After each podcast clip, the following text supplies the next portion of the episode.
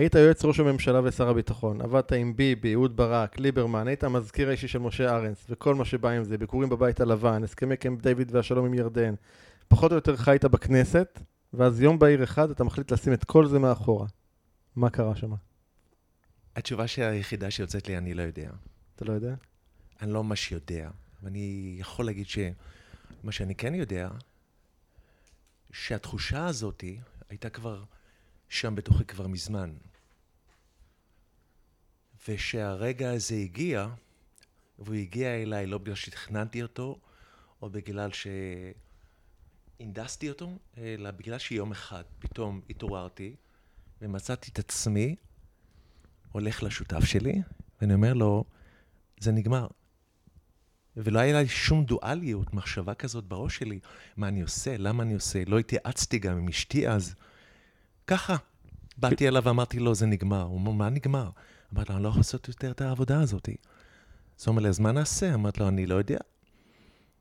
וככה התחיל בעצם תהליך הנסיגה שלי מהתחום הזה שבו עבדתי. והמסע הזה שלי החל למסע ללא נודע. מסע שלא ידעתי לאן הוא לוקח אותי, אבל לפחות אני יכול לקחת, אולי, אה, אם אני יכול לקחת קצת קרדיט עליו, זה שההתנגדות שלי הייתה אה, מועטה יחסית לבן אדם שנלקח לכיוון כל כך אה, בלתי ידוע. שנקרע מכל התחומים של חייו, ולאט לאט מתחיל לאבד את כל מה שהיה בחייו, עד כדי שהוא נשאר בלי כלום. אז אנחנו תכף uh, נצלול לעומק המסע הזה, כן. מיד אחרי זה.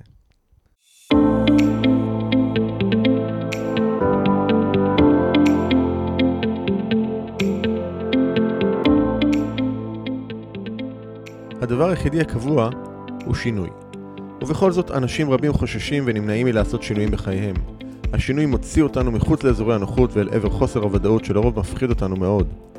ובכל זאת, ישנם אנשים שמוכנים להתמסר לתהליכי השינוי, ולא רק לשנות, אלא בעיקר להשתנות, ולהמציא את עצמם שוב ושוב מחדש. בפודקאסט עושים שינוי, תוכלו לשמוע את האנשים שמשחקים all in ועושים את מה שצריך, במקום את מה שנוח, כדי לחיות חיים מלאים ובעלי משמעות. בכל שיחה אנו צוללים לעומק התהליכים הפנימיים שהם עוברים, הטריגרים שמפעילים אותם, הפחדים והחששות, ההצלחות, הכישלונות, הפעולות שהם עושים וההתפתחות שהם עוברים. בכל שבוע תוכלו לשמוע את ערן שטרן ברעיונות מרתקים ומעוררי השראה עם אנשים שהפכו את השינוי לדרך חיים. לפרקים נוספים בפודקאסט תיכנסו לאתר doingchange.co.il או חפשו עושים שינוי באפליקציות הפודקאסט המובילות אייטיונס, ספוטיפיי, גוגל פודקאסט ואחרות.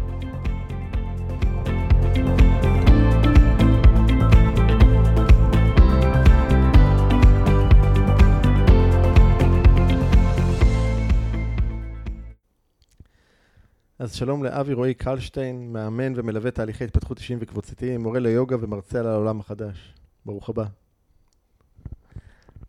אז uh, בואו נתחיל, מי זה, מי זה אבי בעצם? מי זה אבי שהיה ומי זה אבי היום? same but different. תסביר.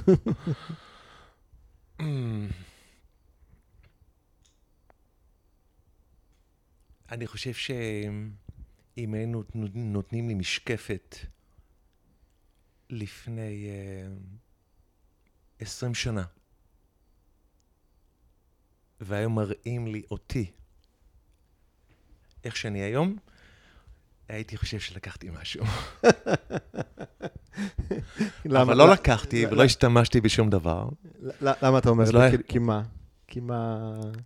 מה היה כל כך אה, לא הגיוני? זה כאילו שני עולמות שונים. זה כאילו מימד אחר. אוקיי. Okay. לא כאילו, לא זה כאילו. מימד אחר. כן, כאילו מישהו שהסתובב במסדרונות הפוליטיקה ובבית הלבן ובכל המקומות האלה ללמד יוגה זה כאילו זה... זה כבר היה שם בזמן שעבדתי, לימדתי יוגה, okay. אוקיי. ובאמת הרבה אנשים הסתכלו עליי ככה במבט כזה, אתה יודע, באלכסון. המעסיקים שלך ידעו... מה לא בסדר איתו? המעסיקים שלך שידעו שאתה מלמד יוגה? לא, לא. לא ידעו? לא. זה היה לא. כאילו חסום מהם. כן, לא יותר מדי דיברתי על זה. כאילו, כשדיברתי על זה, התגובות היו כאלה שאמרתי, עדיף לא לדבר על זה, כן. אוקיי. אז, אז בעצם, אז מי זה אבי היום? Hmm. אני לא חושב שאני יכול להגדיר את הדבר הזה, כי זה כל כך משתנה כל רגע וכל הזמן. כן. אז אני חושב שזה מהות, כן? נשמה שיש לה גוף, כן? ויש לה אה, את המסע שלה פה, בגלגול הזה, והיא עושה את מה שהיא יכולה. כן, את כל מה שהיא יכולה, יותר ויותר. בעצם זה התהליך של ההתעוררות, אני חושב, שלי. אה, בעצם להיות אה, מי שאני, כן, ותוך כדי המסע הזה הייתי צריך לאבד בדרך את כל מה שבעצם הרחיק אותי ממי שאני. אז בואו נתחיל ככה לעבור על המסע הזה, אולי ממש מההתחלה, זאת אומרת, איך, מה, מאיפה באת, איך הגעת לעולם הפוליטיקה? אמ,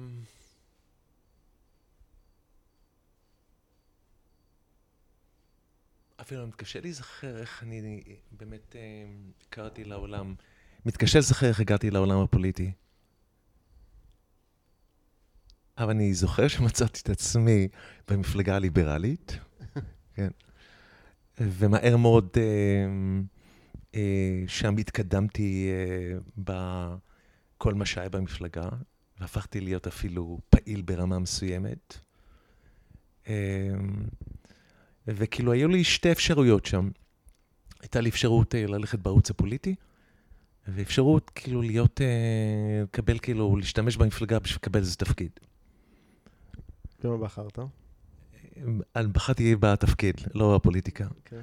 ואני חושב שזה היה, אני לא יכול להגיד שזה המזל שלי, אבל זה היה כבר אה, איזה שיקוף מסוים, מראה מסוימת, לזה שבגיל שהייתי, כן, והייתי אמור להיות גם עוד אה, יצרי מבחינת הדברים שאני רוצה להשיג, הפוליטיקה הייתה יכולת לקרוץ לי הרבה יותר. כן. אבל בעצם הייתי נטול כל צורך להיות ב, עם כוח, שיהיה לי כוח שליטה על משהו. בעצם באיזשהו מקום נמנעתי אפילו מזה. לא רציתי את זה. אז הגעת לתפקיד במפלגה, ואז? לא הגעתי לתפקיד במפלגה, אלא שהמפלגה הליברלית אז נכנסה לממשלה, עם, אה, זוכר, זו הייתה ממשלת אה, שמיר, ובממשלה הזאת אה, אה, גדעון פת היה שר, התעשייה, התעשייה, המסחר והתיירות, וגדעון הכיר אותי איתו, והוא הציע לי, ובעצם הפכתי להיות עוזר שר התעשייה, שר התמ"ת קראו לזה. כן, עוזר מסחר. כן, עוזר שר, ופתאום אני במסדרונות. ואיכשהו אה, אנשים יותר ויותר הכירו אותי, וההזדמנויות הלכו ונפתחו יותר ויותר. ואז איך אתה, איך אתה מגיע משם בעצם לעבוד עם אה, ביבי, ברק, כל אלה? עם ביבי, אמ, ביבי שהוא חזר מהאו"ם, הוא חיפש, הוא היה, הוא ידע שהוא אה, ימונה להיות סגן שר במשרד ראש הממשלה של שמיר, והוא חיפש אה, אנשים לעבוד איתם, ואחד מהאנשים שהוא פגש אותם זה אותי, והוא הציע לי, ואני נהניתי להצעה שלו, ובעצם הייתי דובר בעצם אה, סגן ראש הממשלה במשרד ראש הממשלה, עד שהממשלה סיימה את אה, כהונתה, ואז הוא הקים את ה... הקמנו את המשרד שבו אה, הוא התמודד לראשות הליכוד. ובעצם אז הוא מנצח ואתה מחליט לפרוש. כן. הוא... ניצחנו משום שאז הוא הציע לי תפקיד דובר הליכוד, ולהרגשתי אז, לחבוש את הכובע הזה על הראש שלי היה יוצר לי בעיה. כי אני לא רציתי להזדהות כליכודניק, או בכלל עם איזה כותרת מסוים שאני כזה או אחר. אני אמרתי, אני, אני לא בעולם הפוליטי, אז אני לא רוצה.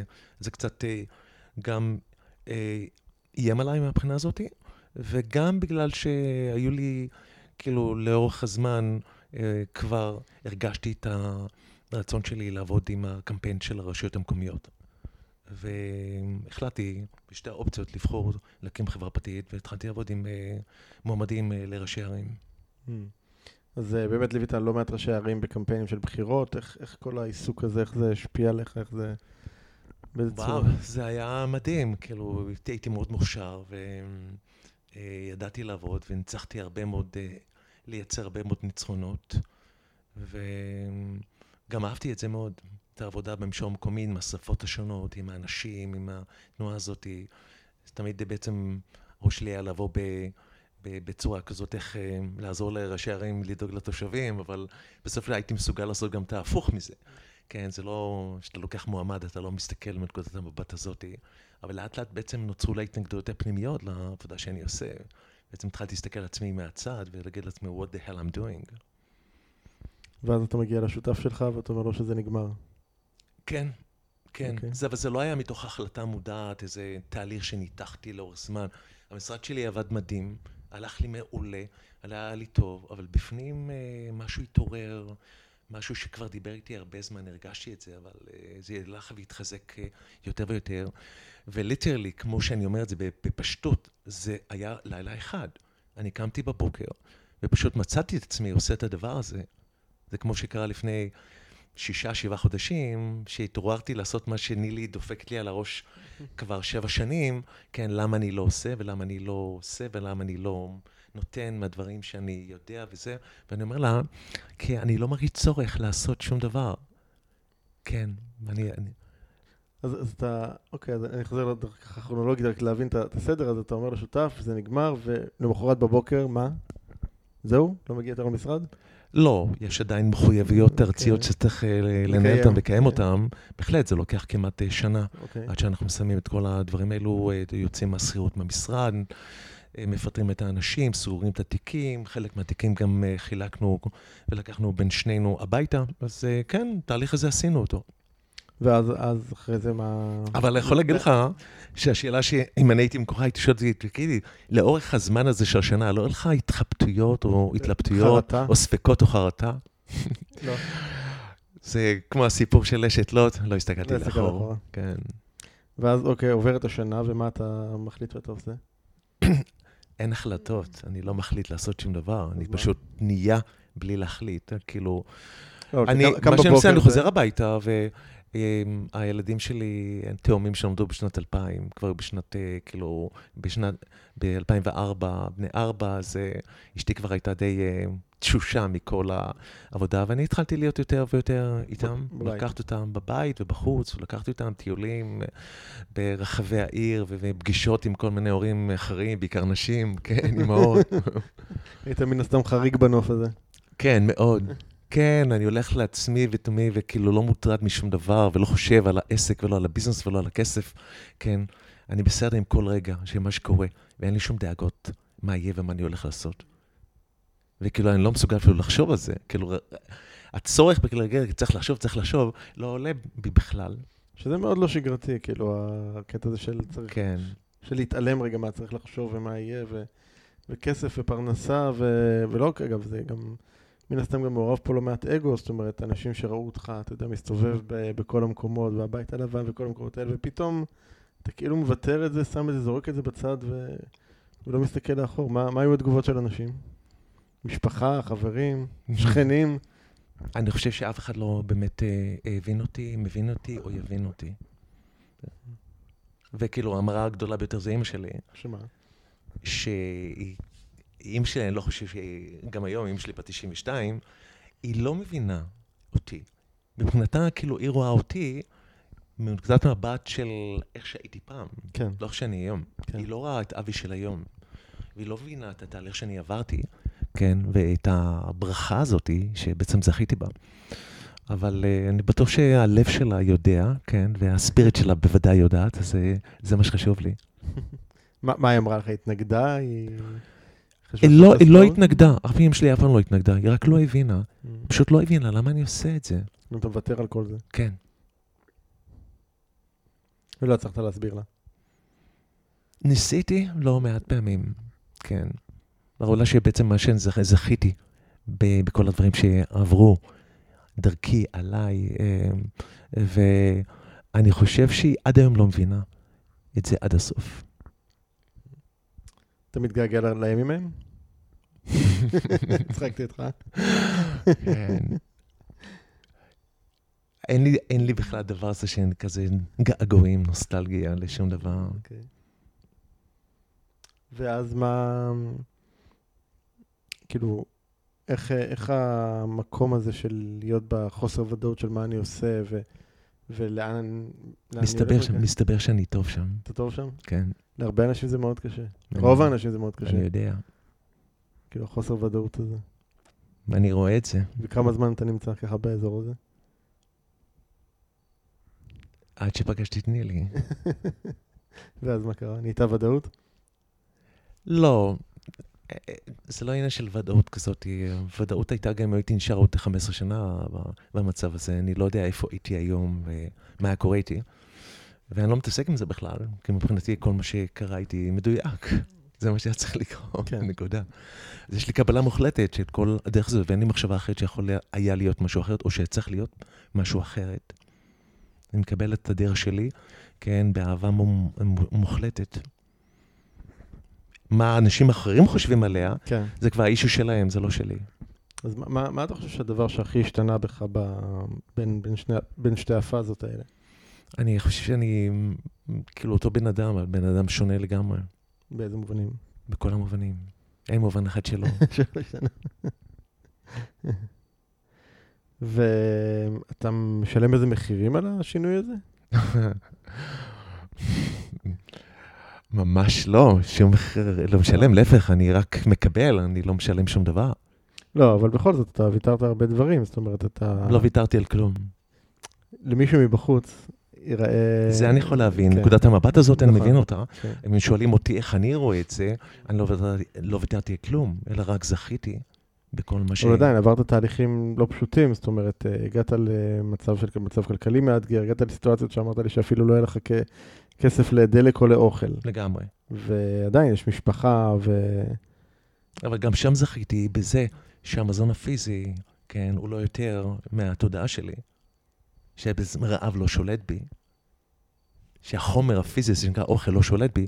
כלומר, איך שאני אוכל היום, ואוכל הרבה מאוד שנים, זה בעצם אני אוכל מאוד אינטואיטיבית להרגשתי. כן. בעצם אני לא אוכל לפי פרוטוקולים, אף פעם לעניינים עם דיאטה או עם משקל או עם משהו, אני אוכל מאוד אינטואיטיבית, מה שמרגיש לי באותו רגע לאכול, זה מה שלהרגשתי הגוף שלי רוצה, ואני נותן לו את זה. לא, ובכל זאת, כל העניין הזה של אה, מצב כלכלי, שאין לך כסף לדלק, איך אתה... אז היו... בסוף, איך אתה מתמודד עם זה בסוף בעולם, אתה יודע, בעולם היומיומי אפילו? וואו. זה באמת שאלה טובה מאוד, אבל uh, משהו בי בא והראה לי שיש משהו שאני יכול להישען עליו מאוד, זה הספיריט שלי, הנשמה שלי, כן? ושם כאילו הייתי שומע מהן, It's all well with my soul, It's all well with your soul. כלומר, בעצם מקום, וואו, אוקיי, זה כמו, uh, מנקודת המבט הזאת, זה כמו שהידיעה הזאת של מי שאני, כן, יצרה לי איזה תחום שם של אפס אה, דאגה לכל מה שעבר אותי או עבר דרכי ונפגש מולי, שדברים לא פשוטים. כולל באמת אה, ימים ושבועות שהייתי מסתכל במקרר ולא הייתי רואה אוכל. It's all, it's all well with, with my soul. בטח. כן, והאוטו אה, האוטו נמצא בחוץ, ואני בכלל לא יודע אם אני יכול לנסוע שני קילומטר או עשרה קילומטר, אין לי מושג. כן? ו... ווואו. ויש רק סיבה אחת שגרתי בעצם באמצעים שלא יכולתי בעצם כבר להרשות לעצמי. והיא? שהיא רק סיבה אחת. אחרת פשוט הייתי אה, יוצא, היה לי חתול. אוקיי. ש- שקראו לו סימבה. בעצם אמרתי, הוא לא יכול להיות בלי בית. כן, אני יכול להיות בלי בית, הוא לא. ובשבילו בעצם אמרתי, אני אגן על הבית הזה. אז מה עשית? מה שיכולתי. כן, מה שיכולתי. בעצם, בסופו של דבר, כן, אין, היו לי חובות, היו לי התחייבויות, היו לי גם כבר צווים של הוצאה לפועל, וכולם איימו להתנפל עליי. ואם תשאל אותי איך אני הרגשתי פנימית, זאת אומרת, אם אתה רואה אותי ורואה את המצב הכללי שלי, את המפת הדרכים שלי, את כל התמונה שבה אני נמצא, כן, ומצד אחד, מצד שני היית רואה בן אדם שכאילו מאוד uh, רגוע, ושלם. זה כאילו לא מתיישב ביחד. לא, היית חושב שאני הזוי, כן? שלקחתי משהו, אבל לא לקחתי שום דבר ולא השתמשתי בשום דבר, זה היה טבעי לחלוטין, זה המקום שלי. זה. כאילו מקום מאוד מאוד מאוד עמוק. של ביטחון עצמי מטורף. שאני אומר, אנשים, מעט מאוד אנשים שיתפתי אותם במה שאני הרגשתי וידעתי פנימה ומה שראיתי פנימה, כי אם הייתי מדבר על זה, זה פשוט היה נתפס, הם לא יכולים להכיל את זה, זאת אומרת, בשביל מה לייצר התנגדויות כאלו של אנשים שלא יכולים להכיל את זה. כן. והייתה לי ידידה אחת באמת קרובה באותה תקופה, בתקופה הקשה ביותר, שקראו לה מזל, שהיא אה, באמת שיקפה לי כמו מראה. מצד אחד, היא, שיתפתי אותה בעולם הפנימי שלי, היא יכלה להקשיב לזה בלי לשפוט אותי, כן, להסתכל על זה. מצד שני, היא ראתה את מפת החיים שלי, ועמדה על הפער העצום בין שני הדברים, כן. ואחר כן היא עברה, כן, את, המש... את התהליך שאני עברתי, ובעצם אני חושב שהרבה מאוד היא למדה ממני והיא קיבלה הרבה מאוד בשביל לעבור את התהליך שהיא עברה, שהיא עברה אותו אפילו הרבה יותר קשה מהתהליך שאני עברתי. אז איך אתה באמת בסוף ביום-יום מתמודד עם ההוצאה לפועל והחובות וכל הדבר הזה? מה... איך אתה, מעבר לידיעה העמוקה מאוד פנימית ש... שהכל בסדר. מה שצריך לבוא, יבוא. דברים כאילו ובעצם זה כנראה הכל דברים שאני צריך לפגש איתם. אז אם צריך לפגש איתם, אני אפגש איתם. זה לא היה לי רגע אחד של דאגה. אה, זה לא שלא היה לי לחץ, זה לא שלא אה, השפיע עליי, ובשום מקום זה איך אני עובד עם כל הרגשות ועם כן. כל ה- הדברים שעולים בפנים, כן? זה לא שאני אפאתי, כן? זה לא, אתה עובד פה עם כל הכוחות הפנימיים של יצרים של fight or flight mode, כן? יילחם או ברח, וכמו לסיטואציה הזאת, איך להביא כסף, מאיפה ללוות כסף. ואמרתי, אני לא במשחק הזה, אני לא הולך ללוות מאף אחד כסף, אין לי מאיפה להביא כסף, אני לא לוקח שום דבר. אם זה מה שיש, עם זה אני אפגש. ואז הדברים מתחילים להסתדר? כאילו, מה? איך הדברים מתחילים להסתדר פתאום? זה מה? לא שהדברים התחילו להסתדר, זה באותו רגע אני פוגש את המלאכית של החיים שלי, את אהבת חיי. שיושבת פה מאחורינו. כן, שהיא הייתה בתוכי כל הזמן הזה, היא רק נגלתה לי. זה הסוד.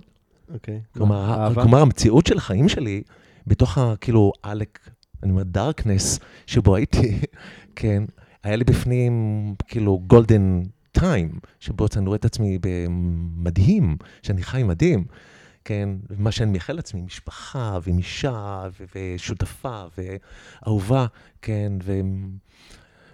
וואו, כל הדברים האלו התממשו לחלוטין בחיי. פגשתי עם נילי, ונילי ראתה אותי, ועזרה לי לחסל את החובות.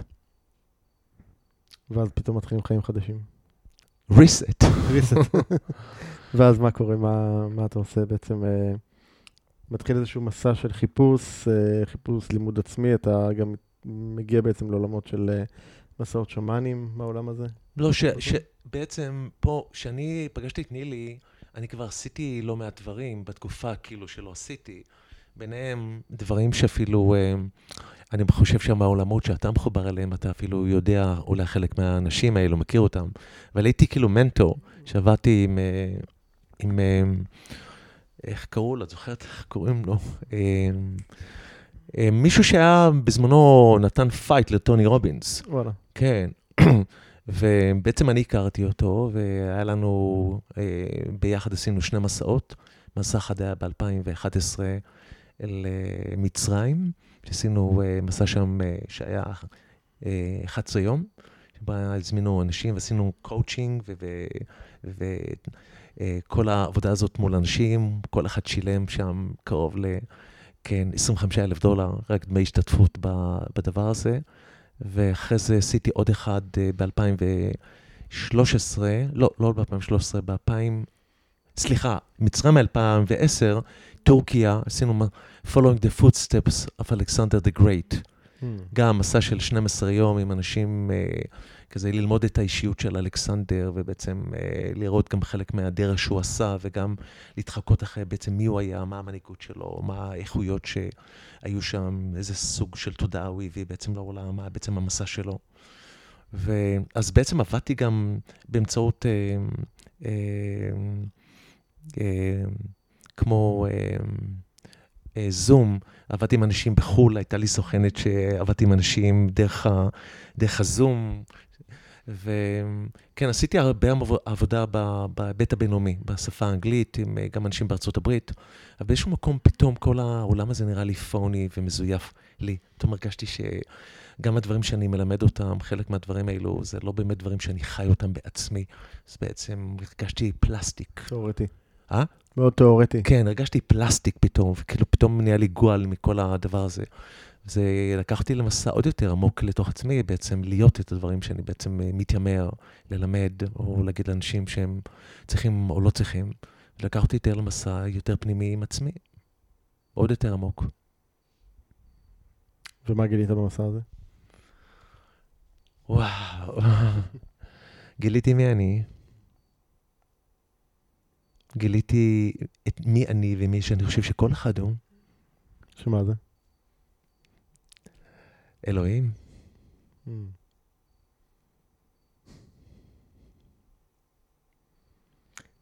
אם מישהו עכשיו שומע את זה, והוא שואל את עצמו, אוקיי, מה זה אלוהים בעצם? כאילו, מה...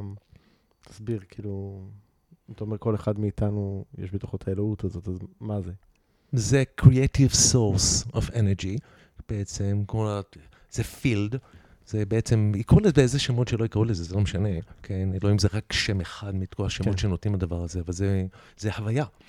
זה הוויה של שדה, כן? של פילד, uh, של מור, מורכב ממה שאנחנו קוראים לו לאו, שבעצם... Uh, זה מי שאנחנו, אנחנו fractions of it, אנחנו בעצם it, אנחנו בעצם הדבר הזה. אנחנו אלוהים, בעצם כולנו ביחד, הוא האלוהים שהוא אנחנו. כן? הוא יוצר אותנו ואנחנו יוצרים אותו. ואנחנו חלק ממנו והוא חלק מאיתנו.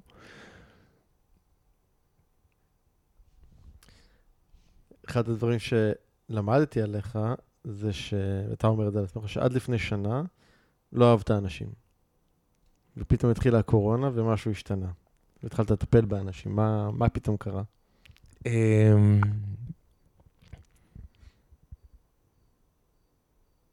טוב, אז אני חושב שמה שקרה, או זה לא שפתאום אני אומר, אני אוהב אנשים באותה מידה שכן, אמ, זה לא שפתאום אני אוהב את מה שלא אהבתי קודם, אני רואה את מה שראיתי קודם, אבל אני פחות מדבר, או לא מדבר עם מה שראיתי קודם, אני מדבר עם מה שאני בוחר לעבוד איתו. למשל, בהיבט של הריפוי, אז אם אתה רואה אדם שמולך, שיש לו את כל הבעיות שהוא מספר לך שיש לו, ואת כל המחלות שיש לו, אז אתה בעצם יכול להיות מאוד uh, בהזדהות עם כל הדברים האלו, ובהרגשה של uh, uh, השתתפות ב, בתהליך שהוא עובר, מצד, מצד, זה צד אחד, אוקיי? מצד, אני רואה את הדברים האלו, אבל בעצם אני מדבר לא עם המחלות או עם התדר של המחלות שמופיע בגוף הפיזי, אלא אני מדבר בעצם עם ה... נקרא לזה כאילו לבלופרינט של הבן אדם, לגוף האור שלו. בעצם, לגוף שהוא לפני המחלה. המחלה נמצאת בגוף, אבל בעצם בנשמה לא יכולה להיות מחלה, בגוף האור לא יכולה להיות מחלה. זה בעצם שהשמן שמרפא, עם מי הוא מדבר? הוא מדבר עם הגוף הזה. הוא בעצם מעורר את הגוף הזה לעשות את מה שמבקשים לעשות בתהליך לינארי של לאורך זמן לרפא מחלה. ברגע שהריפוי שה, יכול להיות האמיתי, הוא מבפנים, הוא לא מבחוץ.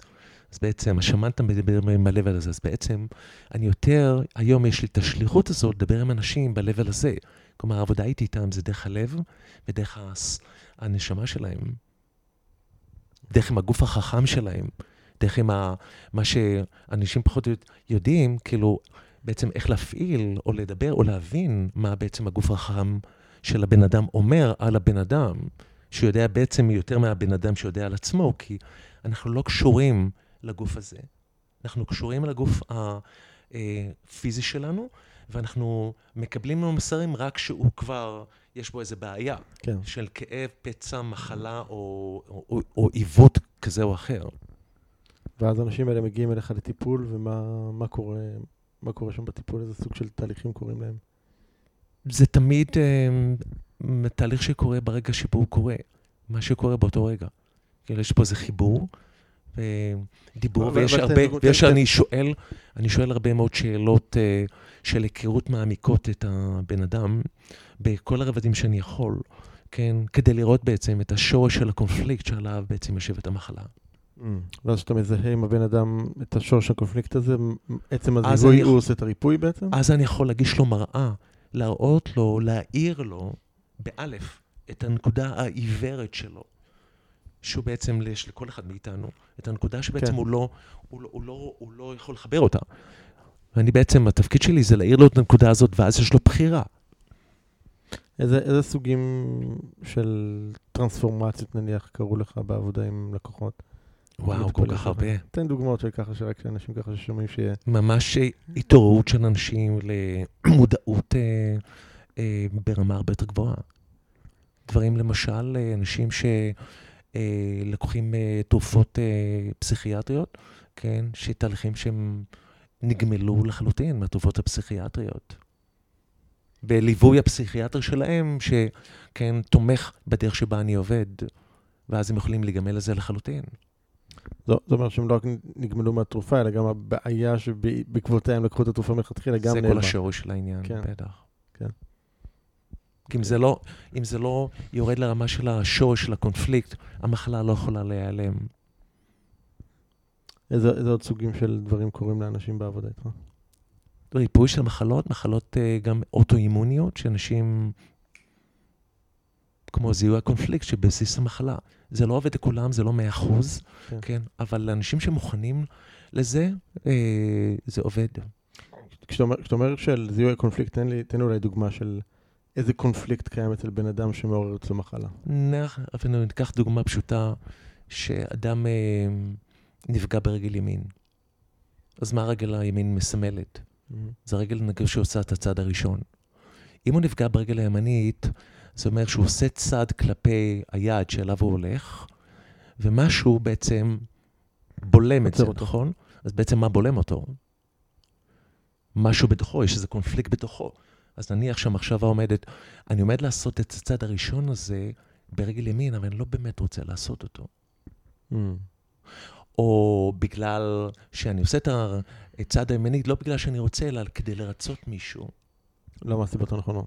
אז הגוף שלך, כי הנשמה שלך לא רוצה שתעשה את הדבר הזה. אז היא מייצרת מחלה. היא תנמנה על האמת שלך, אבל יש לך איזה התניות כאלה ואחרות של אינטרסים, כן, או פחדים כאלו שמנהלים אותך, ואז אתה נאלץ לעשות דברים בניגוד לאמת הפנימית האינטואיטיבית שלך. אז בעצם הזיהוי של הקונפליקט הוא להבין בעצם, אה, יש פה פגיעה ברגל ימין, אז יש פה איזה משהו שיכול לשבת על א', ב', ג' או ד', בוא נבדוק את זה. אם הפגיעה ברגל שמאל, זה הרגל המשלימה את הפעולה. אז אוקיי, אני רוצה לעשות את הפעולה, ללכת קדימה, אבל אולי יש בי איזה קונפליקט, רגע, אבל אולי זה לא יצליח. פחד פתאום עולה, פנימי, כזה, כי מישהו אמר לך משהו, אולי אבא שלך, אולי אמא שלך, אולי החברה אמרה לך, כן, שהם כבר עשו את זה ולא הצליחו. יש לך איזה ספק, אתה רוצה, אבל יש לך ספק, כן? אז זה פגיעה ברגל שמאל. אותו דבר עובד עם הידיים, אותו דבר עובד עם האצבעות. בעצם כל איבר הוא בעצם מורה דרך, כן, שיכול להוביל אותך לעבר איפה הקונפליקט נוצר. והיכולת שלך בעצם לזהות את הקונפליקט, אז נפתרת הבעיה. והמחלה אז הולכת. זה, זה מה, זה מיידי? לחלוטין. אני יודע שזה מעלה חיוך, אבל עצם, אנחנו כל כך רחוקים מהידיעה, אפילו לא מהאמונה, כן? גם האמונה, שהריפוי שלנו יכול להיות, יכול להיות ריפוי קוונטי כזה. אנחנו עדיין, חינכו אותנו ופרמטו אותנו לחשוב על ריפוי לינארי, זה כן. לוקח זמן. כן. אה. אתה יודע, אתה מדבר, ואני, מה שעולה לי בראש זה, אה, לפני כשנתיים חליתי בסרטן. ובאיזשהו שלב, אה, האונקולוגית שטיפלה בי אמרה שאני צריך לעבור הקרנות. סליחה, לא הקרנות, כימותרפיה. ואני יוצא, מה... יוצא מהמשרד שלי ביום חמישי, וכל הגוף שלי בהתנגדות מטורפת לרעיון הזה. ויום ראשון בבוקר אני מרים טלפון לבחור שעבר טיפול דומה, ופשוט הרופאה, ביקשתי לדבר עם מישהו שעבר תהליך כזה. והייתה בהתנגדות עצומה לעבור כימותרפיה. ואני מדבר איתו בשיחה בטלפון, ותוך כדי השיחה אני מרגיש איך לאט לאט ההתנגדות שהייתה בי, כאילו, כאילו מתחילה להתמוסס. כאילו, מאוד מאוד הרגיע אותי, מאוד כאילו, אתה יודע, ובגדול הוא אמר לי, כאילו, אוקיי, זה, זה חרא, זה לא, לא תענוג, אבל זה לא כזה נורא, ועוברים את זה, ו, ואני עובר איזשהו, תוך כדי השיחה איתו, אני עובר איזשהו תהליך עם עצמי, ואני מגיע למין הבנה כזאת, שאם זה מה שצריך לפגוש אותי, אז אני אדע לעבור את זה, ו, וכל ההתנגדות שהייתה לי לכימותרפיה נעלמת. היום אני יודע להגיד ששם הבראתי. זה אני יודע להגיד כאילו היום בדיעבד, אבל באותה נקודה, באותה בחירה שלי של להוריד את ההתנגדות. מה שקרה בעולם הפיזי אבל, זה שתוך יומיים אה, התברר שההבחנה שהייתה לי הייתה שגויה, ואני לא צריך לעבור כימותרפיה, ונפטר בכמה טיפולי הקרנה מאוד מאוד פשוטים ומהירים. זאת אומרת, הדבר הזה, כאילו, שאתה מדבר על המיידיות של, שדברים קורים, אני לגמרי יכול אה, להבין ולהתחבר לדבר הזה.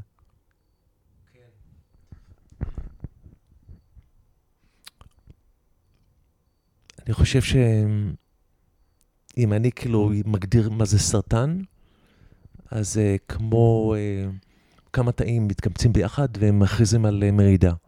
בתוך ההרמוניה האינסופית הזאת של, uh, הגוף. של הגוף.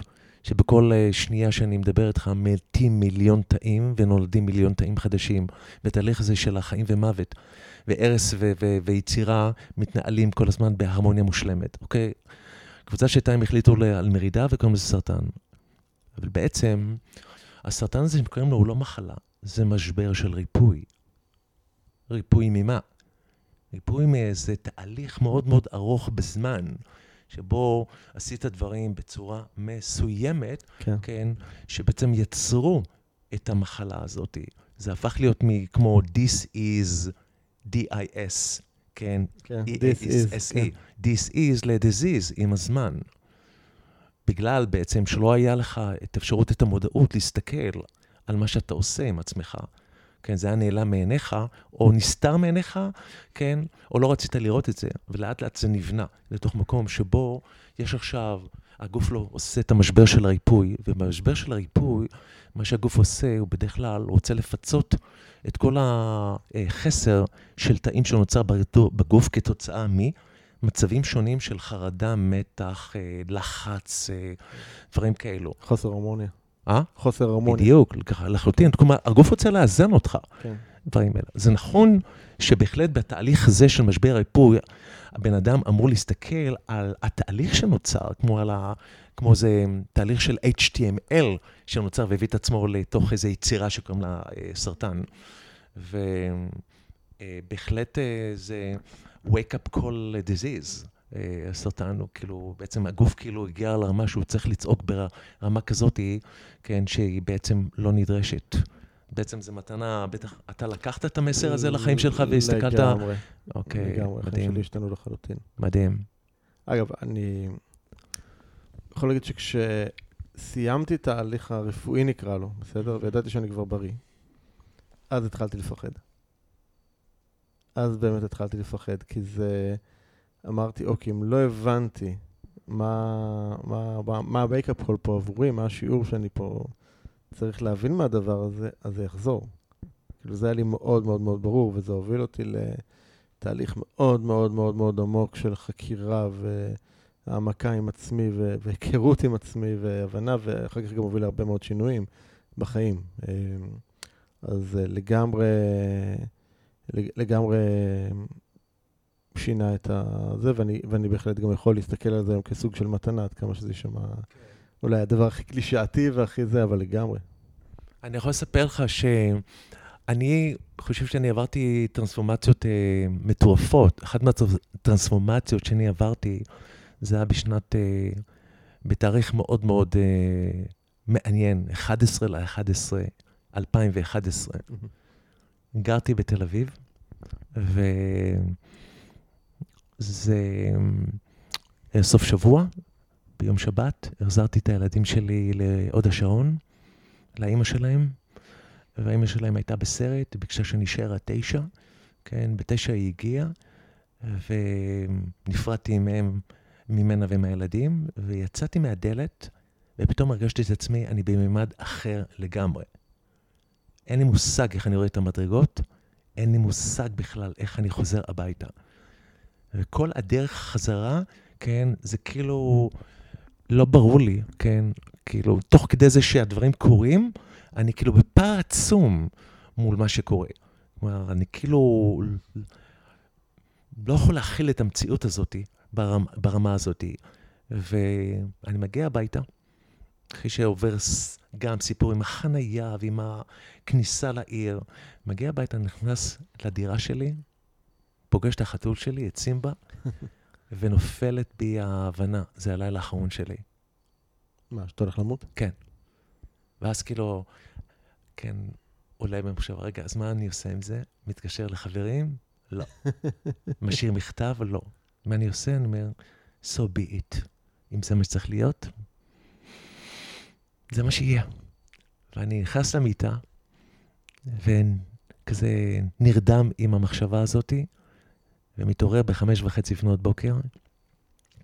המזרון רטוב, אה, וזה לא היה מפיפי, רטוב מאוד, כאילו שפריצו עליו עם צינור.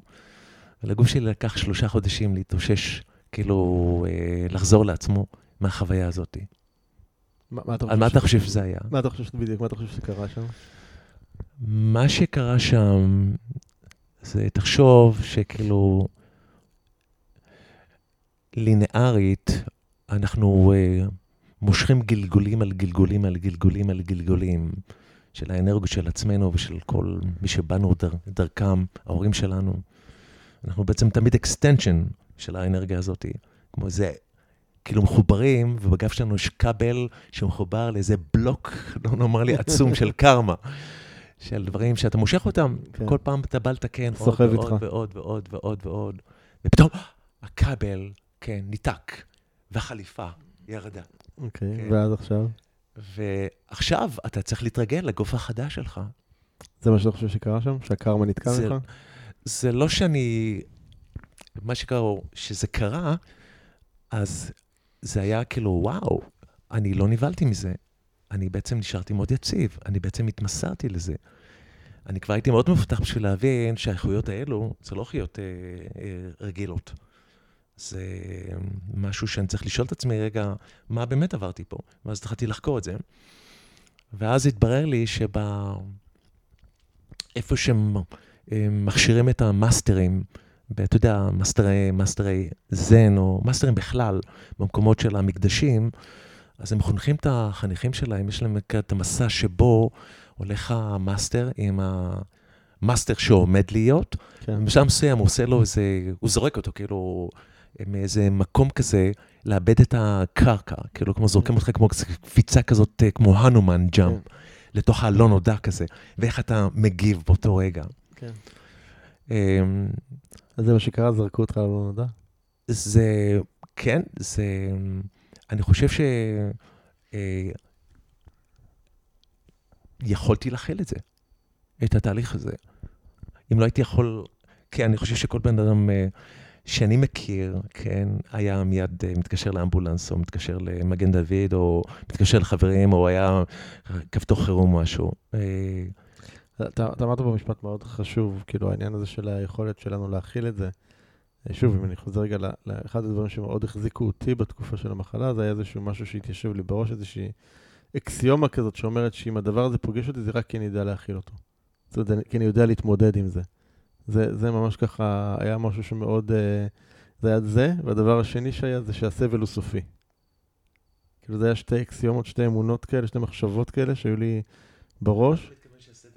שזה לא, כאילו, גם אם יהיה קשה וכואב, זה לא יהיה, זה לא נמשך לנצח, אלא שזה מתישהו נגמר. אוקיי, אז כואב, אז בסדר, כואב, אבל מתישהו זה ייגמר.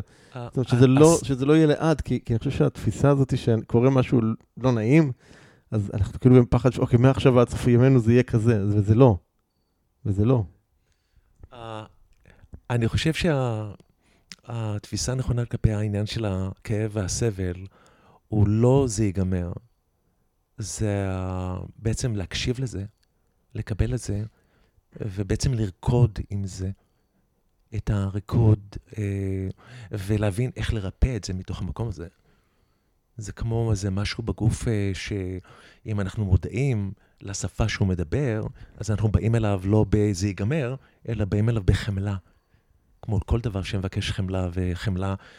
אמ, זה, חמלה זה אהבה טהורה, שבעצם המשמעות היא קבלה מוחלטת של כל מה שמופיע, ואפס התנגדות לכל, לכל, לכל דבר.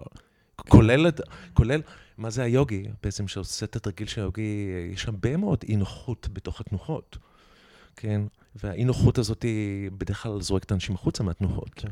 בעצם להחזיק את זה, בעצם לנשום לתוך זה ולקבל את זה, אז אתה בעצם מתחיל להיות המאסטר של, מבין את השפה שהגוף מדבר בה, ואתה מדבר כבר עם הגוף אה, ברמה שבו אתה לא רק יודע איך להבין מה הגוף אומר לך, ולקבל את זה כמו מנורות המכוון במכונית, כן? שכל פעם שהן נדלקות, אתה מיד יודע על מה זה. זה יש את המנורות האלו, כאילו, בלוח כן. הפנימי או החיצוני שלנו, שבעצם כל הזמן מהבהבות, אנחנו לא רואים אותם או מתעלמים מהם, בעצם לקבל את המסרים האלו ו- ולהביא אותם לידי ביטוי.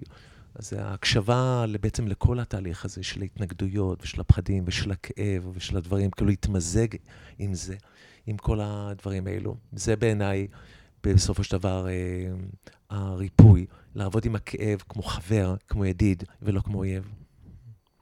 מי, מי, מי או מה עזר לך בתהליכי טרנספורמציה שאתה עברת? אני עברתי דרך הרבה מאוד מורים, אבל אף פעם לא היה לי מורה כזה... לא אחד ספציפי. לא, אני, אף פעם לא היה לי גורו, בעצם שאני הבנתי מהר מאוד, אה, עוד בתחילת הדרך, כן, שהגורו היחידי שאני מחפש, אה, הגור שנמצא אצל כל אחד, אבל הוא בעצם, אני מחפש את שלי, כן, כן. בעצם החיבור לגור שלי, כן, שהוא הגור שנמצא אצל, אצל כל אחד. אז אה, אני חושב שזה היה, אה, אה, שאלת אותי, כאילו, בעצם מה הרווחתי מכל המסע הזה, אמרתי אלוהים, אבל בעצם your own guru, כי בעצם זה בעצם ההוויה הפנימית של מי שאתה. זאתי שבעצם יודעת, כן, מי אתה ומה אתה ומה דרכך ומה יעדך. היא יודעת מה ה excitement שלך, היא יודעת מה ה passion שלך, היא יודעת מה אתה רוצה לעשות ומה מיועד לך לעשות, היא יודעת הכל. בעצם, אנחנו, uh, נתנו לנו זכות בחירה, אז לקחנו את זה למקום שבו חשבנו שאנחנו יודעים יותר טוב. אין, היום הרבה אנשים בעולם מבינים לאט לאט דרך ההתנסות בחיים שלהם. אוקיי, אז השגת את כל הכסף בעולם שרצית, והשגת את כל הווילות שרצית, והשגת את כל... and you got nothing. אם לא זכית בדבר כן. הזה. אז, אה, אז מה יכול כבר להיות לאדם שפגש את עצמו בפנים, כן, בחוץ, שיכול להיות יותר מזה? שום דבר. ואני חושב שלשם המתנה הגדולה ביותר היא, לשם כולנו היום צריכים ללכת. ואז, אם אנחנו הולכים לשם, זה אומר שרמת התודעה שלנו בעצם היא הולכת להיות יותר גבוהה מרמת כן. התודעה שלנו של היום. ואז כל המחלות בעצם שחיינו, חלינו בהן בממד הזה שבו אנחנו קיימים, כבר לא היו שם. כי אז אנחנו לא נהיה כפופים לתודעה שמבוססת על הישרדות ומאבק. fight or flight mode. ש, שזה מקום שהמון המון המון אנשים נמצאים. בדיוק, אנחנו כבר נהיה יותר קשורים לתודעה של החוכמה הפנימית המולדת שבנו, ששם אין דואליות, יש שם בהירות, יש שם נו, יש שם ידיעה. אין שם בכלל ספק, או אתה פשוט יודע. אתה פשוט עושה את הדברים מידיעה. כן. אתה לא צריך כבר לקרוא שום דבר, ואתה יודע שאתה יודע. הזכרת קודם מחלה, ואנחנו נמצאים עכשיו ב... עוד מעט אפשר להגיד חוגגים, לא יודע אם זו המילה הנכונה, שנה לדבר הזה שנקרא קורונה. ושלחת לי, קראתי אתמול מאמר שכתבת על התקופה הזאת של הקורונה. קראת לזה מכתר של קוצים לכתר מלכות, ואתה מציג שם תפיסה מאוד מאוד מעניינת על התקופה הזאת. נשמח ככה שתשתף איך אתה רואה את התקופה הזאת שאנחנו נמצאים בה היום, מה, מה היא באה להביא לנו. אני חושב שכמו כל התקופות שקראנו להן אה, בתנ"ך, כמו המבול עם נוח, וסדום עם אה, אשת לוט, אה, ומה עוד היה לנו שם? הם סיפורים תנכיים אה, רבי עוצמה של טרנספורמציות אה, מאוד מאוד עוצמתיות, אה, ש... של הכחדה של משהו ויצירה של משהו חדש. בדיוק, נכון. ואנחנו נמצאים, כמו שאומרים באנגלית, on the verge of it. אנחנו נמצאים בדיוק אז, עכשיו. מה, אז מה ייכחד ומה ייוולד מחדש? Mm, אמ, אמ, אי אפשר לדעת, זה הכל פוטנציאל, כן? שבעצם האחריות של הפוטנציאל הזה, ההתממשות שלו, קשורה בנו כבני אדם. לאן שאנחנו רוצים לקחת את זה, שם זה, לשם זה ילך. וזה מחייב אותנו בעצם להתעורר. וזה בעצם לא סתם קוראים לתקופה הזאת, The Great Awakening. אבל ה-Great Awakening זה לא רק ההתעוררות הרוחנית שלנו לדעת מי אנחנו, אלא זה התעוררות בעצם להבין שאנחנו חיים ב-false reality, במציאות מדומה ושקרית. שמה היא בעצם... מה היא- נועדה בעצם... אה, שאנחנו בעצם חיים בסוג מסוים של עבדות, בין אם נרצה להכיר בזה או לא. בעצם יש לנו משעבד, זה יחסים בין עבד משעבד. אנחנו, זה הסיפור שלנו מהיום, שבעצם ביקשנו לעצמנו מלך. מתי זה היה, אתה יודע? נו, בתקופת, אה, כן, מי היה המלך הראשון של ישראל? אה, שיעור בתנ"ך עכשיו. הראשון, הראשון, הראשון. המורה שלי לתנ"ך עכשיו אמרה... שאול. שאול, נכון. ולמה הוא הומלך למלך? כי בני ישראל ביקשו. באו וביקשו נכון. מלך ובשר ודם, כמו הסתכלו על השכנים שלהם. כן. אמרו להם, שמע לכם, שיאבד אתכם, ינצל אתכם, ישלוט בכם, ירדה בכם. שכחנו שקיבלנו מלך וביקשנו משעבד, ביקשנו שליט. ועכשיו, כן, אנחנו נפגשים, מפגש בינינו לבין המשעבד שלנו, השאלה מה אנחנו רוצים לעשות עם זה, כל אחד מאיתנו. וזה, וזה בעצם מה שהתקופה הזאת באה עכשיו להעיר אותנו? מצד אחד, כן, המשעבד מבטיח לך, כן, תשתעבד עליו, כי יחזיר אותך למה שהיה פעם, אבל זה אשליה, כולם יודעים שזה אשליה. מצד שני, יש לך, לכולנו את האפשרות הזאת, כמו אומרים, הקורונה זה כמו איזה כתר, כן, ששמו עלינו במקום הכי אינטימי שלנו, הבית. אולי להסתכל לתוך העיניים של עצמך, אולי להסתכל לתוך העיניים של החיים שלך, של מי אתה ומה אתה. ולא על האוטומט הזה שכל בוקר אתה קם ב-6 בבוקר, ב-8 אתה על הכביש, ב-9 אתה בעבודה, נגמר עם כן. עבודה, ועוד יום ועוד יום ועוד יום. לגמרי. אז מתי נתעורר כולנו? כן? אז אוקיי, המציאות הזאת היא נגמרה ונגמרה, וואו, נגמרה ככה. בשנייה אחת. בשנייה. כן. זה... ו... אה, אז, אז לדעתי, הנקודה היא עכשיו של הזדמנות לאנשים זה להתעורר. עכשיו, אני אומר, להתעורר למה? להתעורר למשהו שהוא הדבר והמקום היחיד שבו יכול להיות ההגנה שלהם בתקופה כל כך טרנספורמטיבית, הפכפכית וכאוטית. ורק אנחנו רק בהתחלה. כן. אז בעצם על מה נשען? על הבחוץ כבר אין מה להישען. המציאות הזאת כבר התפוררה. כן. כמו הרסו את הסט כבר. את הסט הזה שבנו לנו במציאות הזאת. הסט הזה כבר לא קיים. הולך ונבנה סט חדש, ואנחנו שותפים לבנייה. אז כל אחד מאיתנו מה הוא... איך הוא ייראה החדש? ל... איך התמונה הזאת נראית בראש שלי? וואו, מדהימה. golden age לגמרי. שמה יהיה שם? אני חושב, קודם כל, אה, אחרי שינויים אקלימיים, או ה climate cycle שיעבור על העולם, אין ספק שהוא יעבור, כן? יהיה הרבה כאוס, יהיה הרבה הרס, כן? זה יראה למתבונן דרך אה, כל מה שישודר. זה יראה כמו סוף העולם, אבל זה לא סוף העולם.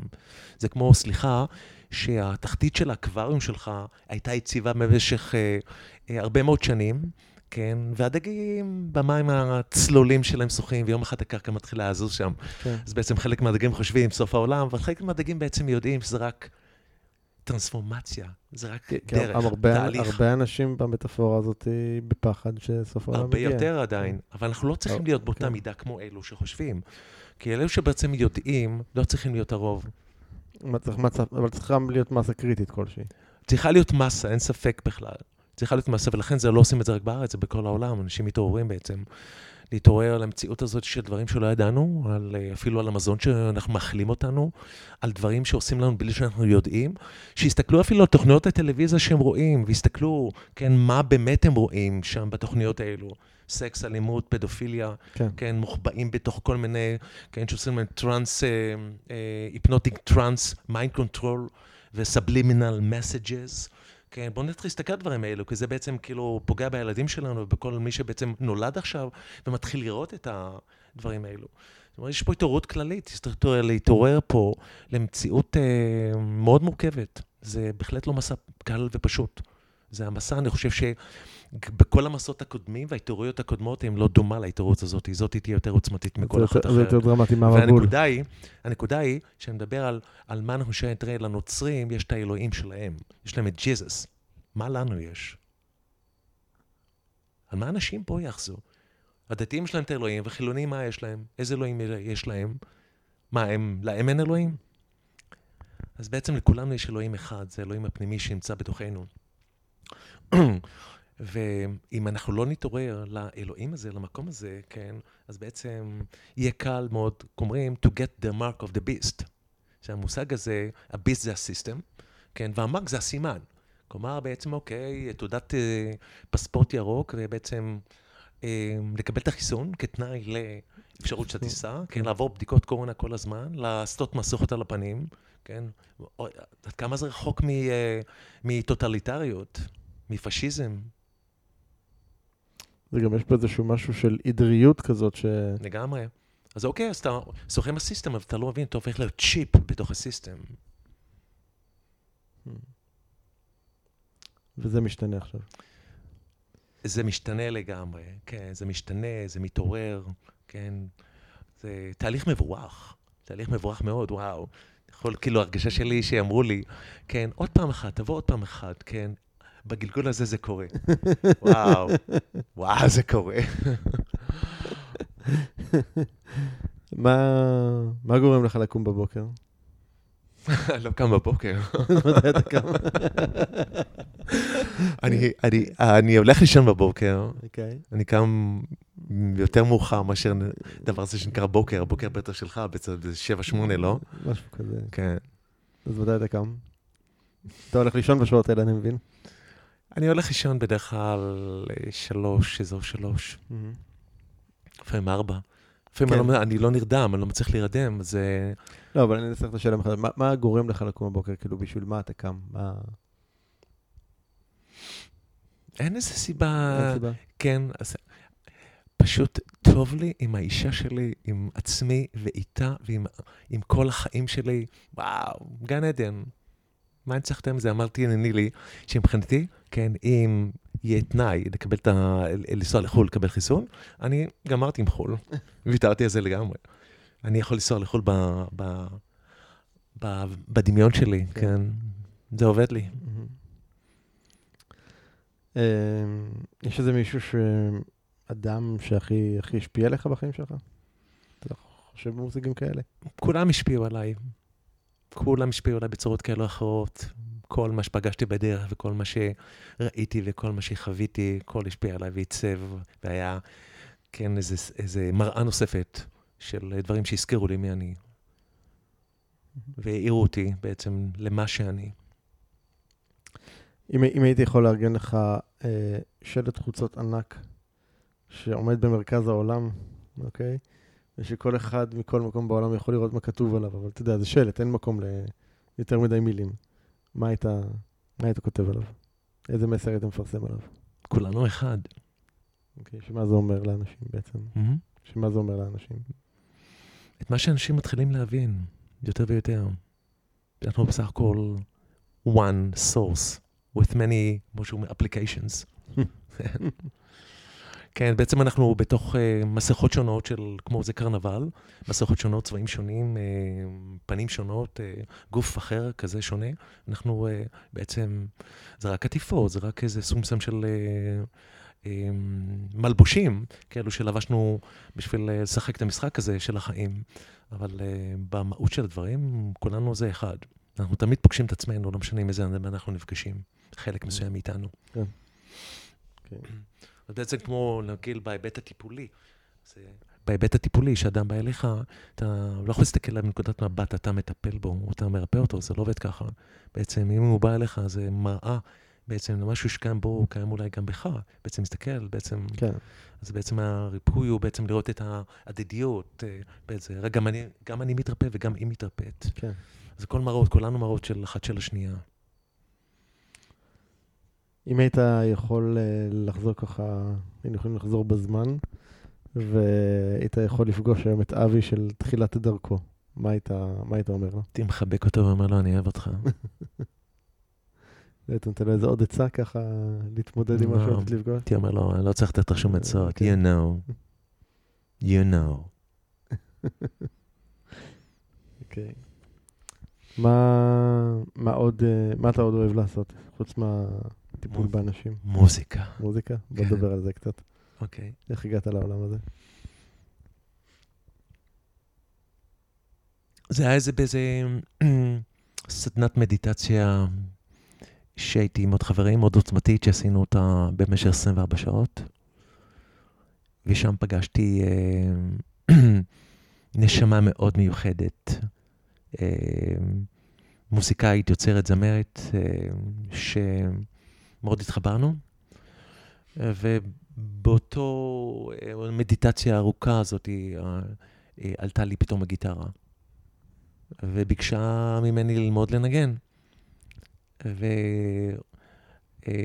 וככה בעצם יצרתי את הקשר עם אותה נשמה האהובה הזאת, שבעצם התחילה, מוזיקאית מוכשרת מאוד, שהתחילה לעבוד איתי וללמד אותי שירה ונגינה. ולאט לאט התפתחתי, עברתי מורים נוספים, התאמנתי המון. כאילו, בעצם לא התאמנתי, חייתי את זה. כל לילה הייתי לוקח את עצמי למסעות עם הגיטרה של שלוש, ארבע, חמש שעות. כמו איזה בת זוג, שהפכה להיות בת זוג אה, נוספת שלי, כמורה מאוד מאוד אה, משמעותית בחיי, כמו מראה מאוד משמעותית בחיי, לראות בעצם את הדברים כאילו גיטרה, כמו האישה שמעולם לא הייתה לי, כן, שמלמדת אותי דברים שאף אישה לא לימדה אותי. קודם כל, אורך רוח, סבלנות, כן, ולחזר אחריה כמה שיותר, לבוא אליה ביותר ברכות, כן, יותר בעדינות, אה, להקשיב לה יותר, אה, לקבל אותה יותר. ולקבל גם את מצבי הרוח שלה, שהיא לא רוצה שתנגן בה, ולקבל את זה גם. כלומר, היא מורה גדולה מאוד, בהחלט הבת זוג גדולה מאוד בשנים האלו של אה, חיי הלילה שלי, של עבודה פנימית שלי עם עצמי, עם העבודה הפנימית שלי. וגם המוזיקה שהתעוררה בתוכי, והתחילה לנגן אותי פנימה, והיכולת שלי בעצם לנגן במעגלי שירה בכל מיני מקומות. אפילו רק לעצמי ועם חברים, וגם לעשות sound uh, healing שאני עושה עם חבר נוסף, שאנחנו עובדים ביחד. מסעות בעצם של ריפוי של sound healing, טקסים של sound healing, ומעגלי שירה, מוזיקה של הלב, מוזיקה מקודשת. Uh, כן, זה הוסיף מימד uh, פשוט עצום לחיי, כאילו משהו שביקש להתעורר בי, והתעורר, ו... מאדם שלא עסק במוזיקה בכלל, אה, נהייתי מוזיקאי, כן. כמה שנים אתה עושה את זה כבר? בערך אה, חמש, שש שנים. אוקיי. מה, היה, לאן מכאן? מה היה הדבר הבא שלך? הדבר, איך אתה רואה את הדבר, איך אתה רואה את עצמך מתפתח? העניין הוא שהדרך היחידה שאני מבין מה הולך להיות, זה לעצום את העיניים שלי וללכת אחורה. כלומר, לוותר על צורך שלי לראות את זה, או להבין את זה, או לחשוב את זה. כאילו, הכל רשום בדרך שלי, וזה יביא אותי לשם. כי זה מה שקרה גם עכשיו.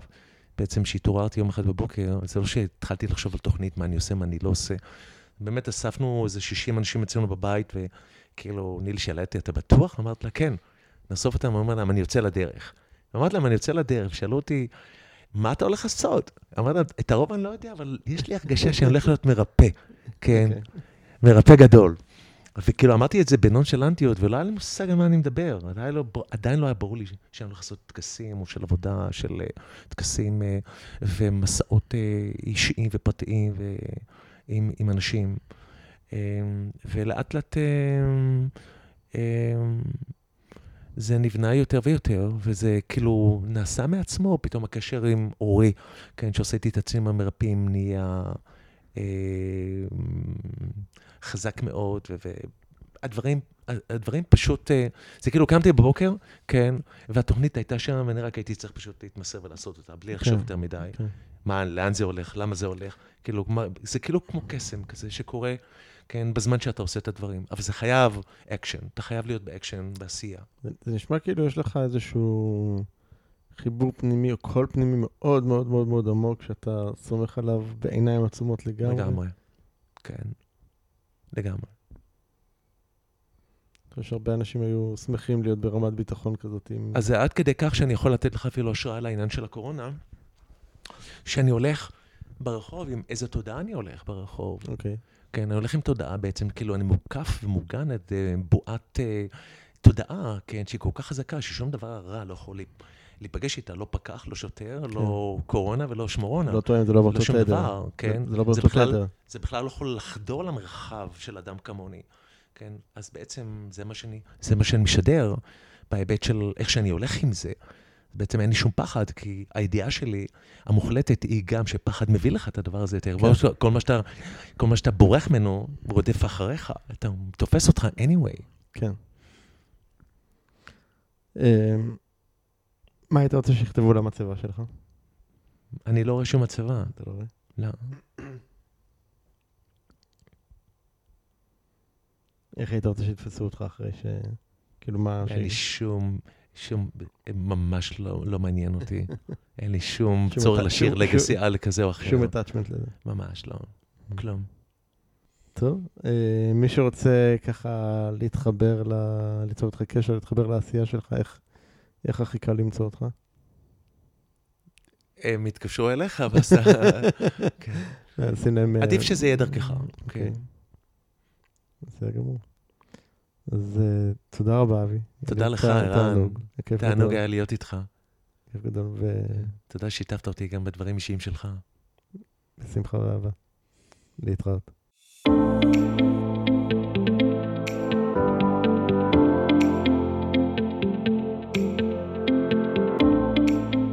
זהו, עד כאן לפרק של היום. אם אהבתם את הפרק, אל תשכחו לדרג את הפודקאסט ב iTunes, Spotify, Google Podcast, SoundCloud, YouTube או בכל פלטפורמה אחרת שדרכה אתם מאזינים לנו כרגע. תוכלו למצוא אותו באתר הפודקאסט doingchange.co.il את כל הקישורים הרלוונטיים לפרק הזה. שם גם תוכלו להירשם לפודקאסט ואנו נשלח לכם תזכורת בכל פעם שאנחנו מעלים פרק חדש. נרשמים באתר doingchange.co.il אני מזמין אתכם לכתוב לי תגובות, מה אהבתם, את מי תרצו לשמוע בפרקים הבאים, או כל הערה והערה אחרת שיש לכם. אתם מוזמנים לשלוח לי ישירות למייל feedback at ערנסטרן.co.il או בפייסבוק שלי facebook.com/ערנפנפייג'. אם אהבתם את הפרק הזה, אל תשאירו את כל הטוב הזה רק לעצמכם. בטוח שיש לכם חברים שרוצים גם הם לעבור שינוי. שתפו אותם ושילחו להם את הפרק. ומילה אחרונה, אבל חשובה. אם קיבלתם השראה מהפודקאסט ואתם מרגישים את השינוי בוער בכם, אם החלטתם שאתם רוצים שינוי ואתם מוכנים לעשות את מה שצריך, ולא את מה שנוח, כדי ליצור את השינוי הזה בחיים שלכם, אני מזמין אתכם לתאם איתנו שיחת בהירות, ללא עלות וללא התחייבות.